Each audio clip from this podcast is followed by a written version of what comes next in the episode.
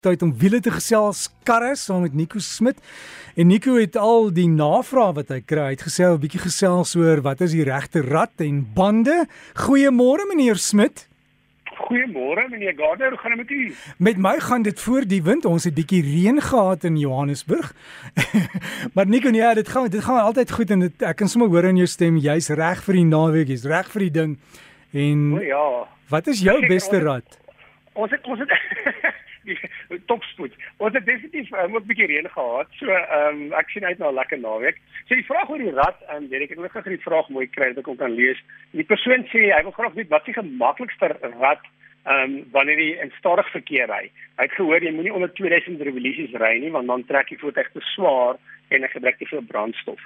Ehm um, wat ek persoonlik ehm um, sou voorstel is ehm um, my kar byvoorbeeld wat ek gekyk ehm um, my kar is 'n handrat model. Ehm um, maar dit gaan oor die waar die wrinkrag van die kar gemaak word ehm um, en die maksimum wrinkrag. So my kar is 'n engine is 'n turbo model, is 'n 1.8 turbo. So die maksimum wrinkrag is ek dink al by 1400 revolusies beskikbaar. So ek het nou al gesien dat ek kan ry en onder 2000 revolusies na die volgende rad toe gaan en na die volgende rad en almal ek kan ry, die kar ry sonder om eers by 2000 revolusies te gaan. So uh, as jy dieselfde kar ry met 'n outomatiese weergawe, dan is dit nogal kan jy sien dat die outomatiese ratte of die outomatiese voertuie skakel baie vinnig oor na die volgende rat toe.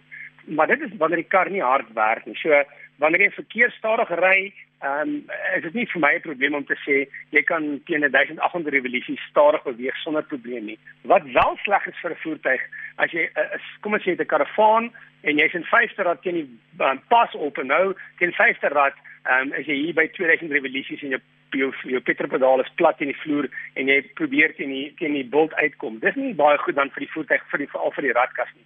Dis dan eerder 'n goeie idee om te terug kom ons sê na derde rad toe te gaan en dan hoër revolusies te hê en dan krag te hê om in die bult uit te trek. Maar met meeste voertuie vandag kan jy maar onder 2000 revolusies beweeg as jy voertuig um, op 'n gelykpad ry en daar's nie 'n groot las nie. Dit gaan jou die beste help met jou brandstofverbruik. Die die volgende vraag wat ek graag wil antwoord is iemand het my gevra, die dame sê sy het 'n 'n Pajero. Ehm ek sê sy het 1000 km en ek Yokohama Yokohama bande op. Ek sê wel weet wat is wat wat is die beste band wat ek kan aanbeveel wat nie die bank gaan breek nie.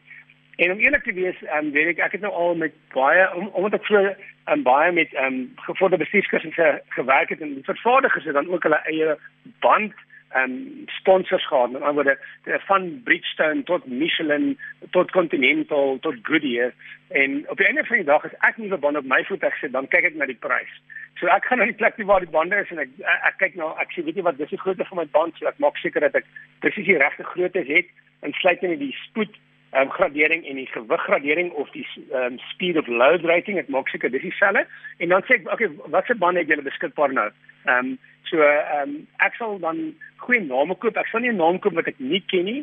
Ehm um, maar dit is Bridgestone Continental Goodyear. Ehm um, selfs iets soos Hankook. Vroeger 'n Hankook 'n naam wat ek nie geken het nie, maar baie van die bandvervaardigers gebruik Hankook op hulle voertuig. So solank dit 'n naam is wat ek gemaklik mee is, sal ek persoonlik nie regtig sê okay ek hou van 'n sekere bandtipe en gaan dit probeer opsit nie. Ek kyk ook na wat my sak gaan pas, maar ek is nogal spesifiek op 'n goeie naam vervaardiger vir 'n band en dan maak dit nie regtig saak vir my watter band op die voertuig is nie. So dis my persoonlike voorkeur en as as as jy wil kyk na iets wat nie die bank breek nie, dink ek dis 'n goeie strategie. So kyk bietjie na uh, uh, verskillende plekke waar jy bande kan koop en kyk na wat is tans die die die die die beste pryse wat ek vir jou kan bied.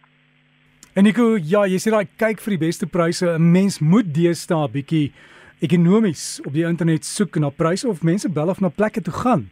En jy sal verbaas wees hoe die pryse verskil.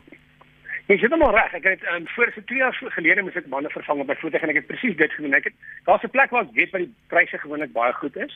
Ehm um, en jy sien ehm um, so ek het bietjie rond ge, um, gebel, maar een ding net wat jy moet onthou natuurlik, die bande datums op. Ons het al vroeër na gepraat. So jy moet ook kyk na die vervaardigingsdatum. Dis so 'n ovaal en daar's twee nommertjies. Daar's 'n nommertjie wat sê kom ons sê die nommertjie sê 1721 dan dit die band is vervaardig in die 17de week van 2021.